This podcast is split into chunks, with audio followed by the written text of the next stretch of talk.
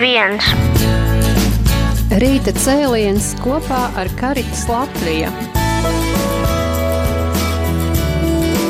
Īsteno mīlestību darbos.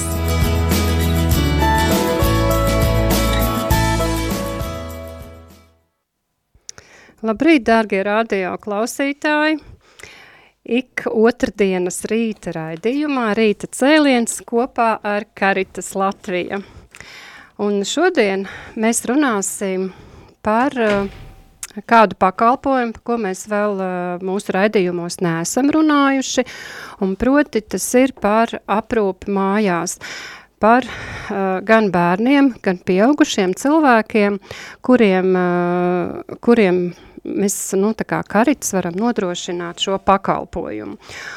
Un uh, mēs uh, dzirdēsim arī kādu liecību, kādu stāstu. Uh, ir uh, pie mums arī viesos kāda māmiņa šodien, bet tagad viss pēc kārtas. Tātad uh, šodien ar mums kopā ir uh, jauna pakalpojuma projekta vadītāja, uh, ar tādu interesantu nosaukumu. Šis projekts ir aprūpētās dzīvesvietas pakalpojums personas dzīvesvietā. Un tātad šī pakalpojuma vadītāja ir Ginta Dervīte. Labrīt, Ginta! Labrīt! Prieks, ka tu atradi laiku un atbrauci. Ginta ir mērojusi ceļu no Bauskas, kā visu cieņu. Paldies tev, Ginta, ka, jā, ka esi ar mums. Pie mums ir arī šodien vēl kāda cita pakalpojuma vadītāja, kas arī so, ir ar interesantu nosaukumu individualizētā aprūpa mājās bērniem ar funkcionāliem traucējumiem. Un šī pakalpojuma vadītāja ir Iluta Riekstiņa. Labrīt, Iluta! Labrīt! Paldies arī tev, ka tu esi šeit! Un paldies par drosmi uh, māmiņai, kas, uh, kuras bērniņš arī saņem šo uh, aprūpas mājās pakalpojumu un tā ir Jolanta. Labrīt, Jolanta! Labrīt! Nu, ko, visas dāmas ir uh, nedaudz nobijušās, jo ir pirmo reizi rādījau studijā, bet, uh, kā es saku, ka, ka tā ir uh, vienkārši mūsu saruna virtuvē vai pie viesību galda vai pie kafijas tases, uh, un tad... Um, mm, Paklausīsimies, jā, kas nu, kurai no dāmām ir sakāms šī aprūpas mājās pakalpojuma sakarā. Un tad es lūkšu Ilutu tev vispirms iepazīstināt mūsu klausītājus ar šo mm, aprūpas mājās pakalpojumu bērniem ar funkcionāliem traucējumiem. Pastāst nedaudz, cik ilgi un, un kas saņem šādu pakalpojumu un nu, viss, kas tev ir uz sirds. Jā, nodibinājums Karits Latvijas sadarbībā Rīgas valsts pilsētas pašvaldības labklājības departamentu un Rīgas sociālo dienestu sniedz pakalpojumu tautas valodā saukt par voucherīti bērniem ar funkcionāliem traucējumiem. Pakalpojums sevi ietver 50 aprūpas stundas mēnesī. Tā varētu būt uzraudzība, kas uh, ir arī 24 stundas diennaktī iespējama aprūpe, pašaprūpes spēja attīstība, saturīga brīvā laika pavadīšana un pavadīšana. Tātad pakalpojumu var saņemt bērniņš līdz 20 gadu vecumam. Lai saņemtu pakalpojumu, ir jāvēršas teritoriālā centrā tuvāk dzīves vietai, pie sociālā darbinieka, kas strādā ģimenēm ar bērniem ar funkcionāliem traucējumiem, kuriem ir. Iepriekš var, protams, piezvanīt mums pa pakalpojumu detaļām, lai uzzinātu kaut ko sīkāk, visu izstāstīsim un, un pastāstīsim. Jā, pakalpojums tiek uh, sniegts, neizvērtējot materiālo situāciju ģimenes, un tas ir ļoti būtiski. Un aicinu nebaidīties ģimenes no sociālā dienesta, jo mums ir Rīgā brīnišķīgi sociālai darbinieki. Un, un, nu, ņemot vērā vēl to, ka šeit netiek vērtēti tie materiāli apstākļi ģimenes. Ko lai es vēl tādu varētu pastāstīt? Cik, cik daudz bērnu saņem šādu pakalpojumu? Karits Latvija saņem pakalpojumu 82 ģimenes. Tas ir uz šo brīdi. Uz šo brīdi, mm. jā.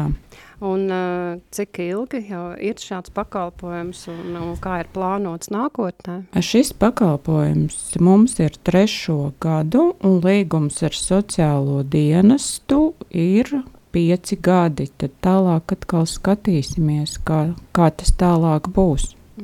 Tad, tad tas nozīmē, ka šis gads un vēl divus gadus stabili būs šāds pakalpojums. Jā, jā. jā vai ir rindas, vai var pieteikties jauni uh, pakalpojumu saņēmēji?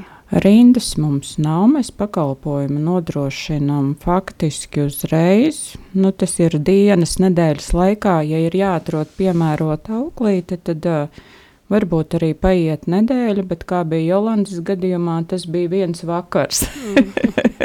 vakars pie kafijas tāsas un, mm. un āklīte bija, tā kā rindas mums nav. Nu, Jā. Ja ģimenei ir padomā kāds, kāda auklīte vai auklis, tad, uh, tad var nākt ar savu. Jā, var nākt ar savu, un daudzi arī nāk ar, vai, uh, ar savām auklītēm, aprūpētājām, jo dažkārt mūsu bērniņi nemaz nepieņem svešus cilvēkus. Mm -hmm. Jā, bet svarīgi ir tas, ka nedrīkst būt auklīte pirmās pakāpes radinieks bērnam un vienā maisaimniecībā dzīvojošu personu. Mm -hmm. Tātad, ja tie ir vecvecāki, tad viņiem ir jādzīvo kaut kur atsevišķi. Kaut kur atsevišķi, jā. Mhm.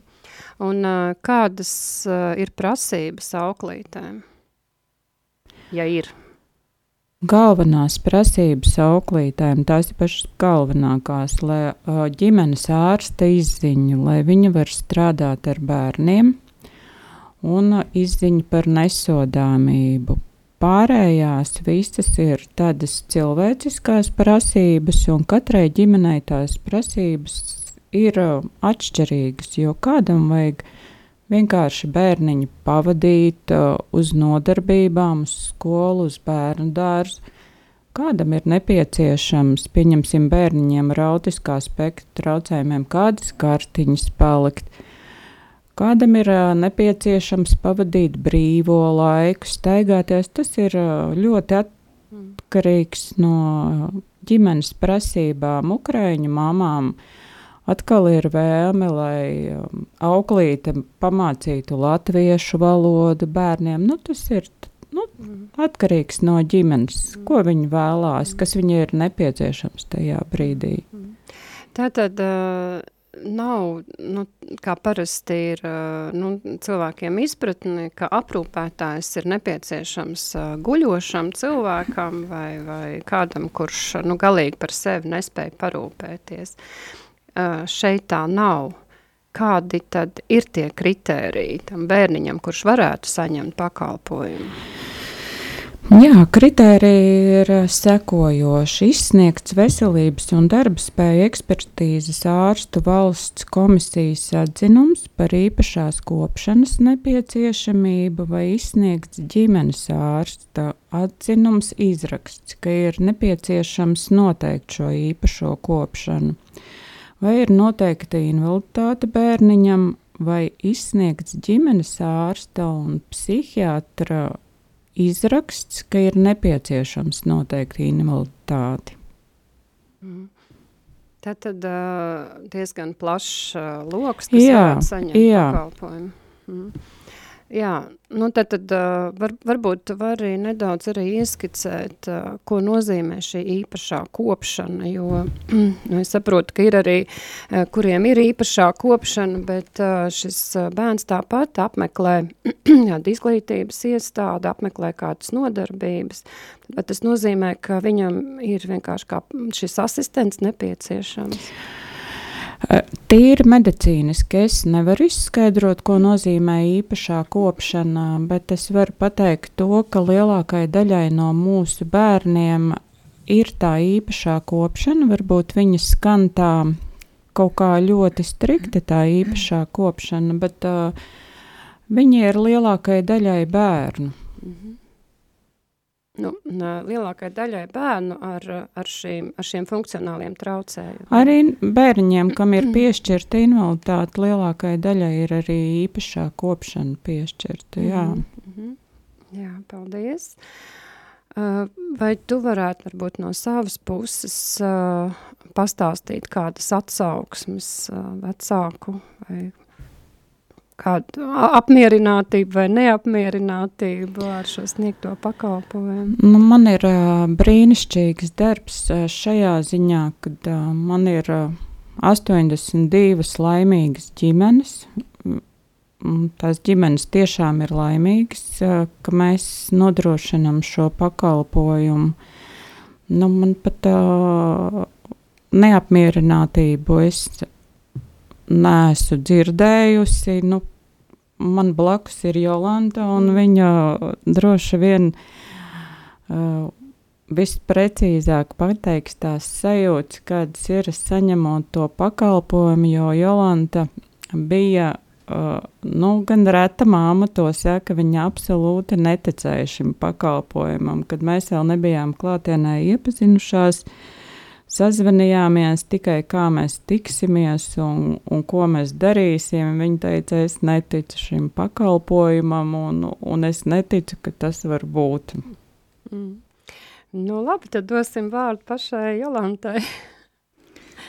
Um, sveiki visiem! Mani sauc Jolanta, kā jau man stādīja priekšā. Un es esmu mamma četriem bērniem. Uh, Un vienam no viņiem ir invaliditāte un arī īpašā kopšana, kā jau Vilta teica. Tad šis ir tas kritērijs, kur varētu būt nepieciešami papildus resursi un papildus atbalsts un palīdzība šādam bērniņam.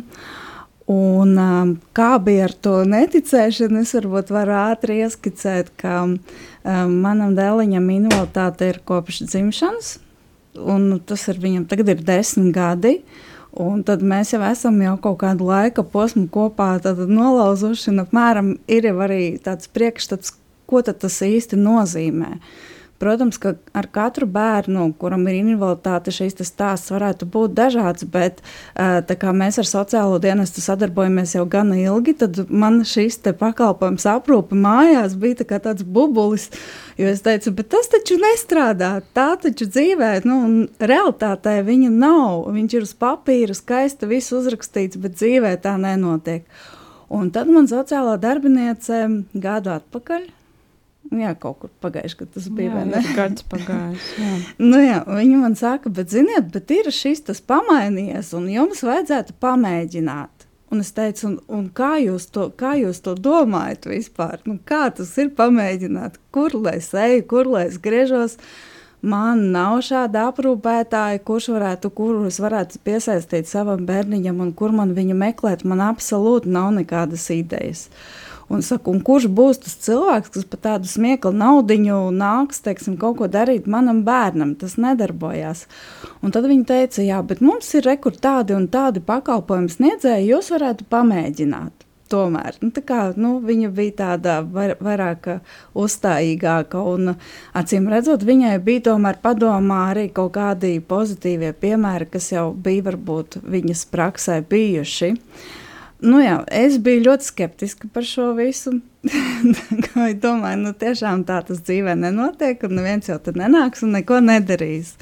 Bet satiekoties, sazinoties ar Ilūtu, pēc tam satiekoties un satiekoties arī ar potenciālo asistentu mūsu gadījumā, tas bija viss vienā vakarā. Un, jā, un mēs tiešām tas, nu, tas bija tāds, nezinu, uh, dieva pirksts, var teikt. Viss salikās tiešām pa plauktiņiem. Es sapratu, jā, ka šim cilvēkam es varu uzticēt savu bērnu. Mēs arī norunājam, kāda šī sadarbība varētu būt, tad kas konkrēti ir vajadzīgs. Jo nu, man kā četru bērnu mammai visbiežāk es grēkoju ar to, ka tieši kaut kāda kvalitatīva laika pavadīšana kopā un kat ar katru bērnu individuāli tas ir nu, ļoti liels izaicinājums strādājušam vecākam. Un, ja, un tad mēs norunājam, kas tas varētu būt, tad, tad ko viņi varētu darīt kopā, kā viņi varētu šo kvalitatīvo laiku pavadīt. un ko, kāds atbalsts būtu nepieciešams manam dēliņam, Jonatānam. Un, jā, un mums viss tiešām notiek. Ziniet, es biju skeptiska tiešām no tās savas kaut kādas pieredzes, ja, bet uh, gribu iedrošināt arī citus vecākus nebaidīties un uh, vērsties un meklēt šo palīdzību, jo atbalsts viņš nekad nav liekas un palīdzīgas rokas, vai nu, teiksim, arī tas, ko asistents dara, tas vienmēr, nu, teiksim, bērnam tas ir ļoti būtiski, un vecākam tas ir ļoti būtiski, jo tas iedod tos resursus darīt kaut ko vēl. Ja? Tad, tad darīt vairāk un sniegt vairāk atbalstu šiem, šim bērniņam. Un arī vairāk laiks pašai sev paliek. Ja? Sev arī laiku var izbrīvot, jā, tādā veidā, protams. Un uh, kas man visvairāk iepriecina, ir tas, ka šis laiks tiešām ir pavadīts kvalitatīvi. Uh, viņi dara visu kaut ko, viņi pat iet uz kino, viņi iet uz kaut kādiem kvestiem, kur ir jāsameklē kaut kādas interesantas atslēgas, atbildes un tā. Un, protams, ka Jontāns dara to visu ar tādu aizrautību, jo viņam ir blakus šis pieaugušais, kuram viņš var uzticēties un ar kuru viņš jūtas droši. Jā. Mm.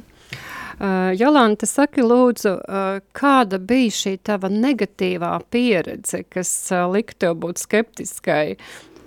Nu, tas bija vairāk kā, es nezinu, tāds sadarbība ar sociālo dienestu, Jo nu, viņi, viņi man, protams, stāstīja katru reizi, kā, es, nu, kā mums bija kaut kādas tur, teiksim, tikšanās un uh, runas, tad viņi man stāstīja, jā, ir tāds pakalpojums, aprūpe mājās.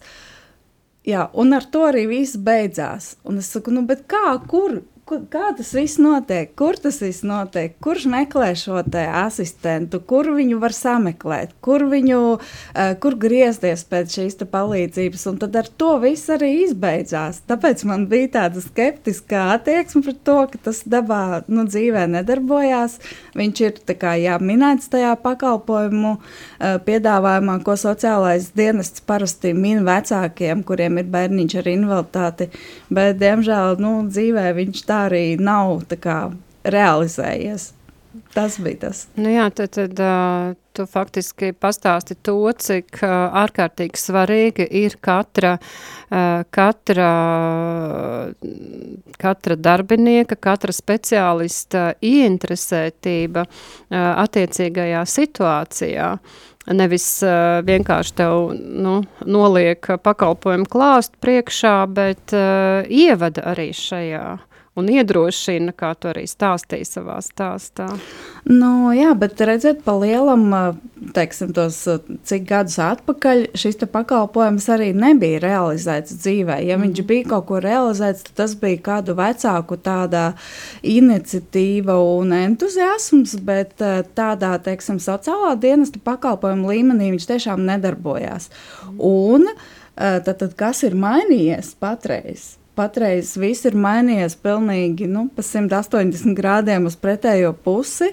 Jo es personīgi esmu pārliecinājusies, jā, re, kur ir un viss notiek. Un tam nevajadzēja veltīt kaut kādus ļoti lielus resursus, to visu meklēt, dabūt gatavu, kur, kur, kur meklēt, kur griezties. Tas viss bija ļoti vienkārši un principā ļoti elementāri. Nezinu, man ļoti liels prieks par šo. Jā. Jolanta, kā vecāks bērniņam ar šiem funkcionāliem traucējumiem, tu teici, ka ka liela nozīme bija kaut kā, kādu vecāku iniciatīvai.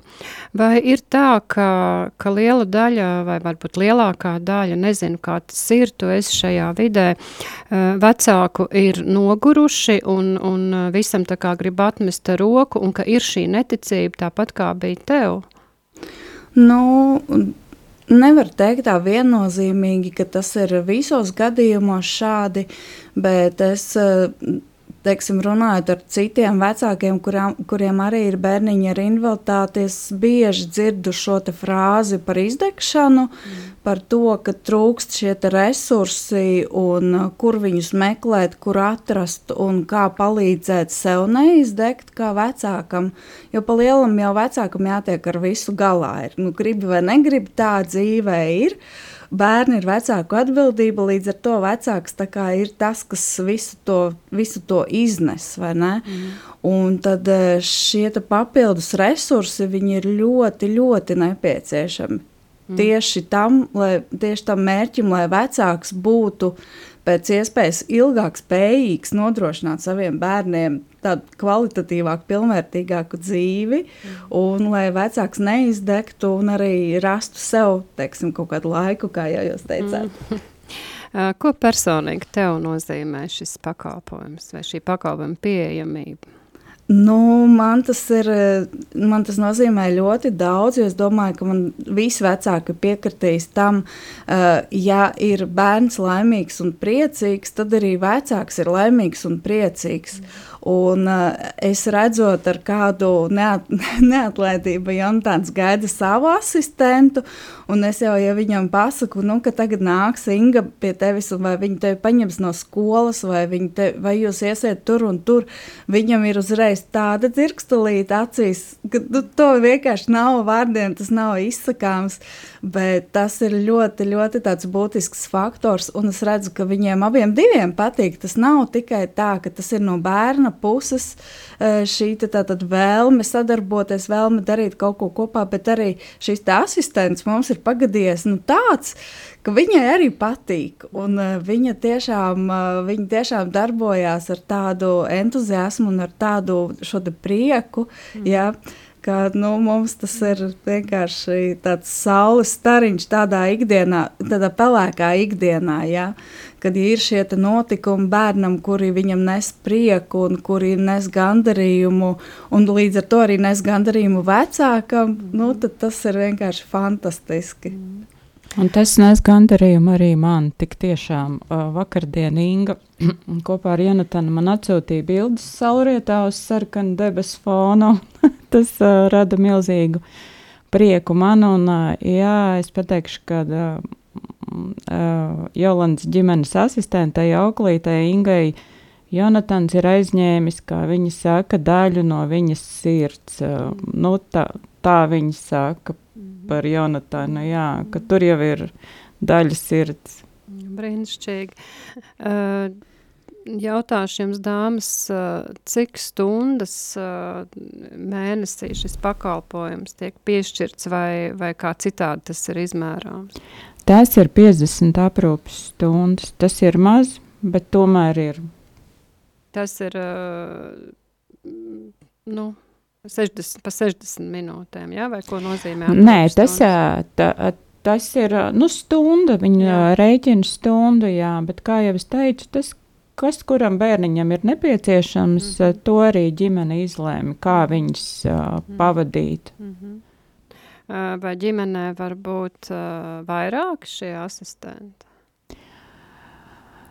Jā, varbūt, bet no mūsu puses ģimenei nav vairāki asistenti. Tomēr bērniņam gribās to vienu cilvēku. Mm -hmm. Tas, tas stundas, es domāju, būtu pārāk maz, lai tur dalītu viņu uz diviem. Nu, nē, nē mums es biju nav. domājusi tā, ka tu teici, ka 50 stundas ir maz. Uh, vai var saņemt vēl, nu, varbūt, ka tas ir, tas ir cits pakalpojums sniedzējs. Nē, vairāk stundas mm. šajā pakalpojumā nav iespējams. Tas ir tas maksimālais 50 mm. stundu skaits. Mm -hmm, mm -hmm. Jā, paldies.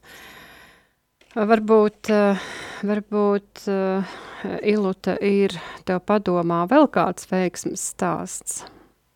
Vai varbūt kādi izaicinājumi? Vadot šo pakalpojumu? Nu, man tie veiksmes stāsti Nu, es sapratu, tev ir visi. visi. Tad varbūt par kādiem izaicinājumiem, par grūtībām. Un ko, ļoti ko daudz. Mm. Izaicinājumi ir mums atrast to piemērotāko auklīti asistentu, ka, uh, vienalga, kā mēs viņu saucam, jo tur ir jāsakrīt gan dzīves vietai, kaut kādai tuvumā. Es domāju, ko Jolantas ģimenei piedāvāt tur tuvāk, lai viņiem būtu, jo, ja tas ir jābrauc, tas nav uz visu dienu, un nu, tad arī kā tas cilvēks, jo parasti tās mūsu auklītes apvieno ar kādu citu darbu, to auklītes darbu. Un tur tie izaicinājumi ir atrast to piemērotāko cilvēku, kas ģimenei atbilst. Atkal. Un dažkārt pie ģimenes es braucu ar piecām auklītēm. Dažādām, un tad ģimene izvēlas. Nu, tas ir izaicinājums. Nu, Jolandas gadījumā mēs mm, uz klikšķi notika uz klikšķi iedām kūku mm -hmm. un iedzērām kafiju, un, un viss notika tajā brīdī. Nu, dažādi tie izaicinājumi ir, jā. Varbūt mūs klausās kāds cilvēks, kurš gribētu šādu darbiņu veikt un būt par auklīti kas, kas būtu jādara, kur jāvēršās? Jāzvana uz nodibinājumu karitas Latvijā un vienkārši jāsaka, ka vēlas būt par auklīti, un, un tad jau mēs kopā izdomāsim.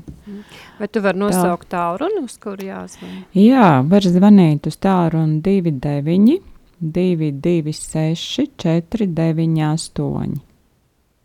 Tātad uh, var zvanīt gan uh, potenciālās auklītes, arī vīrieši droši vien ir aicināti. Jā, noteikti, jā. noteikti, jā.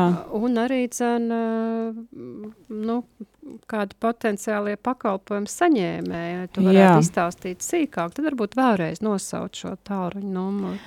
Tālrunis ir 29 226 498. Paldies!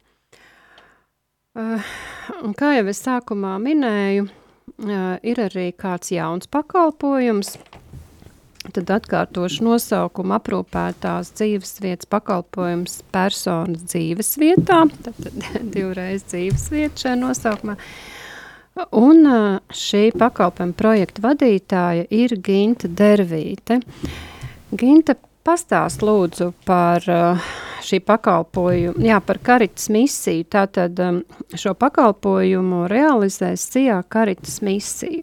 Kas ir karitas misija un ko nozīmē pats pakalpojums?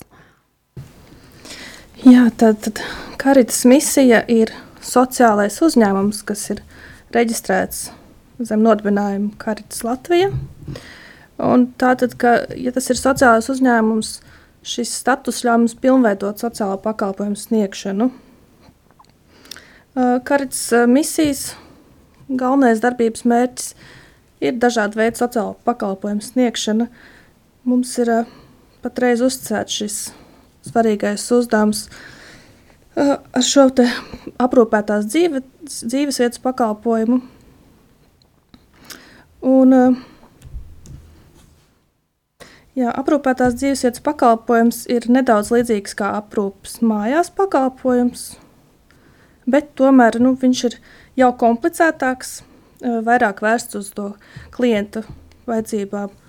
Un, un viņš arī ir kā, ilgs, ilgāk aprūpētās stundas, tas ir 30, virs 35 stundām nedēļā nedēļā. Tātad Jā. bērniem 50 stundas mēnesī un šeit 35 nedēļā. Jā, nu šis mhm. pakalpojums principā jau ir tāds pietuvināts nu, ilgstošās sociālās aprūpas centra saturam. Ja cilvēkiem, kuri nevēlas kā, doties uz ilgstošu aprūpes centru, tad šis, šī tā alternatīva, kad var izvēlēties aprūpētās dzīvesvietas pakalpojumu. Šis pakalpojums cilvēkam nodrošina aprūpi viņa dzīves vietā ar ēdināšanu, palīdzību ar medikamentu lietošanu, dzīves vietas adaptāciju. Un cilvēkiem tā ir, kuriem nepieciešama aprūpe, cilvēkiem tā ir drošība palikt savās mājās. Mm -hmm. Jā, jo ļoti daudz vēlas tomēr palikt savā dzīves vietā, nemainīt to neiet uz aprūpes centru. Un tas ir ļoti liels atbalsts arī viņu tuviniekiem, jo, ja ir tāds viegli aprūpējams cilvēks, nu tad, jā, tad viņi tā kā var aprūpēt, un, bet ja jau ir smagāki gadījumi, tad šīs aprūpētās dzīvesvietas pakalpojums tiešām mm, sniedz lielu atbalstu. Jo tad aprūpētājs var atnākt no rīta, pusdienas laikā, vakarā. Mums ir kā uzraudzība. Uh, lai arī vēlāk kādā vakarā, vakara stundā aprūpētais aizietu uh, apskatīt šo cilvēku. Mhm. Jā, uh, Un uh, kas var pieteikties uz šādu pakalpojumu? Kādas ir prasības? uh, šis pakalpojums nav, uh, ir uh, pilnībā apmaksāts tad, ja izvērtējot šo personu vai arī viņa dzīvošās ģimenes locekļu ienākumu nepārsniedz 620 eiro mēnesī. Tas ir katram ģimenes loceklim. Tātad šī, šīm pakalpojumam ir izvērtēšana. Un kas Vai- to izvērtē? Sociālais dienas? Sociālais dienests. Tā jāvēršas Rīgas sociālā dienestā ar iesniegumu, jāiesniedz visi nepieciešamie dokumenti. Jā, un tad pēc izvērtēšanas sanāk, vai nu viņš ir pilnībā apmaksāts vai daļēji apmaksāts. Nu, protams, viņi var arī izvēlēties uh, un paši apmaksāt. Un tad, ja viņi apmaksā paši, tad mēs uh, sniedzam šo pakalpojumu uzreiz. Mhm. Šeit nav jādodas uz sociālo dienestu. Daļai apmaksāts, tad uh, ir, ir tuvinieku līdzmaksājums, jā, vai paša aprūpējamā līdzmaksājums? Uh, jā, šeit sanāk uh, tās maisaimniecības, uh, maisaimniecībā dzīvojušās personas līdzmaksājums. Jā. Un uh, cik personas tad var pieteikties? Uh, Patreiz ir uh, paredzēts, ka līdz 15 personām Mhm.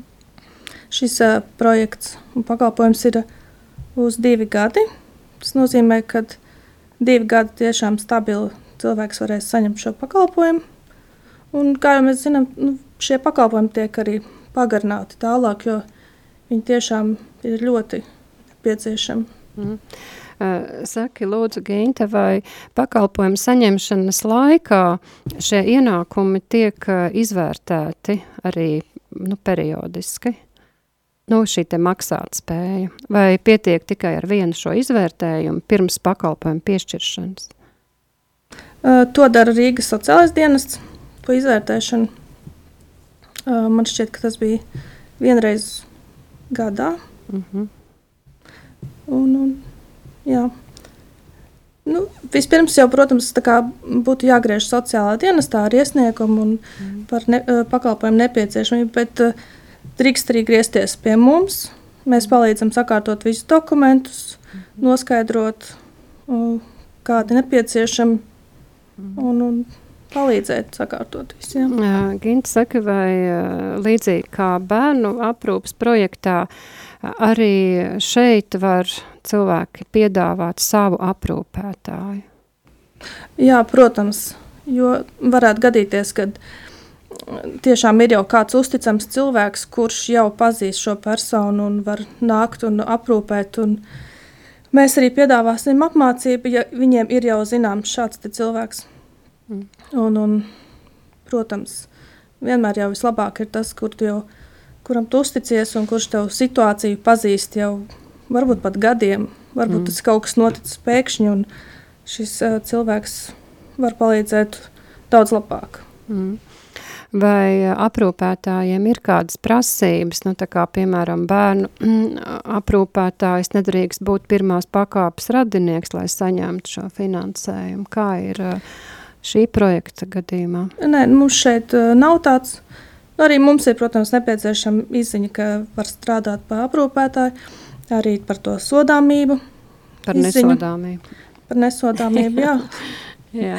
par nesodāmību. Un, uh, ja viņiem jau ir izglītība, tas ir tikai pozitīvi, bet arī mēs sniegsim vēl apmācību. Mm -hmm.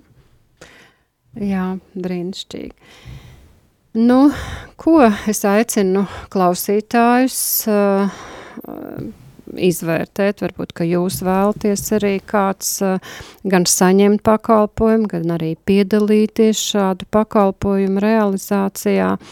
Un arī uh, dot informāciju tālāk, jo ko, ko jūs esat dzirdējuši, un varbūt jums tas nav aktuāli, bet tas varētu būt tas jūsu arī ieguldījums, ko, ka jūs painformēt arī citus cilvēkus, un uh, vienlaicīgi arī mans tāds novēlējums ir visiem, lai mēs vispār uh, būtu ar atvērtām acīm un atvērtām ausīm, lai lai mēs saredzam un sadzirdam arī mūsu līdzcilvēku, un ne tikai pazīstam cilvēku, ja, bet, uh, nu, nezinu, varbūt mēs uh, ejot garām uz ielas, uh, ieraugam kādu cilvēku, kuram iespējams ir nepieciešama palīdzība, un ka mēs uzrunājam un, un nepējam garām. Citiem vārdiem sakot, lai mūsu sirds uh, ikdienas uh, būtu nu, modernā vārdā sakot, empātiski, jā, bet, nu, tā tad ar līdzjūtīgu sirdi, ka mēs ejam, ka, ka mēs um, tiešām saredzam šīs vajadzības un ka mēs varam būt uh, par, par, par gaismu, jā, kā Dievs mums arī, vai par zemes sāli, kā Dievs mūs ir aicinājis, un lai mēs esam līdzās, kā Jēzus ar mums vienmēr ir tagad un, un, un bija līdzās ar, ar, ar visiem, kur nonākuši grūtībās, ka viņš, ka Dievs var arī mūs lietot uh, visu šo cilvēku labā, kuriem ir, ir uh, kādas vajadzības, kādas grūtības. Jautāšu jums, mīļās dāmas, varbūt jums ir kāds novēlējums vai, vai vēl kas piebilstams, jā, ko jūs varētu pateikt mūsu klausītājiem?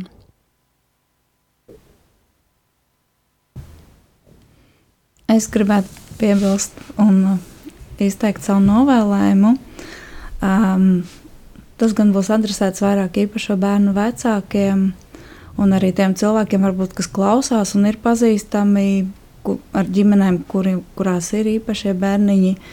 Es um, ieteiktu meklēt resursus, meklēt palīdzību, un tad arī iespējams ir, ir šie resursi arī atrodami. Uh, un ir eh, iespējams saņemt šo palīdzību un atbalstu, kas tik ļoti ir nepieciešama īpašo bērnu vecākiem. Mm. Lielas paldies Caritas Latvijai par šo pakalpojumu brīnišķīgo un par to, ka mūsu dzīves kvalitāte, gan manu, gan manu bērnu dzīves kvalitāte ir tik būtiski uzlabojusies. Paldies jums! Es uh, teikšu lielu paldies Jolantai par tik brīnišķīgiem vārdiem mums. Tas ir ļoti sildi. Paldies! Un, man pretī ir lokus, ir milzīga egli un tik skaists sniegs. sniegs nu, es šajā brīdī novēlu to gaismu visiem, gaišumu, gaismu, kas ir šobrīd mums visapkārt, lai ienāk katrā sirdī. Paldies! Jā, es arī vēlos uzrunāt tiešām tos cilvēkus, kuri aprūpē savus tuviniekus, lai viņi nepaliek vieni, vērš pēc palīdzības, pēc atbalsta, jo patiesībā vienmēr var atrast gan aprūpas mājās pakalpojumu, gan šīs aprūpētās dzīvesvietas pakalpojumu, kur tiešām ir liels atbalsts. Jā. Mm. Paldies jums! Paldies, Gīnta, Jolanta un Iluta vēlreiz, ka atradāt laiku, esat šeit. Uh, ka bijāt drosmīgas un tomēr, un ka pastāstījāt tik brīnišķīgi un nebija jau tik traki, vai ne? nebija. jā, nu redziet, nākošā reize jau, ziniet, kā, kā es saku, ka ikvienā lietā vienmēr ir pirmā reize. jā, nu ko, tad arī ar šiem brīnišķīgiem novēlējumiem ko Ginta, Jolanta un Iluta izteica, mēs atvadamies un lai ikvienu Dievs bagātīgi svētī un uz tikšanos kādā no mūsu nākamajiem raidījumiem. Visu labu! 3, 2, 1 Rīta cēliens kopā ar Karitas Latviju. Īsteno mīlestību darbos.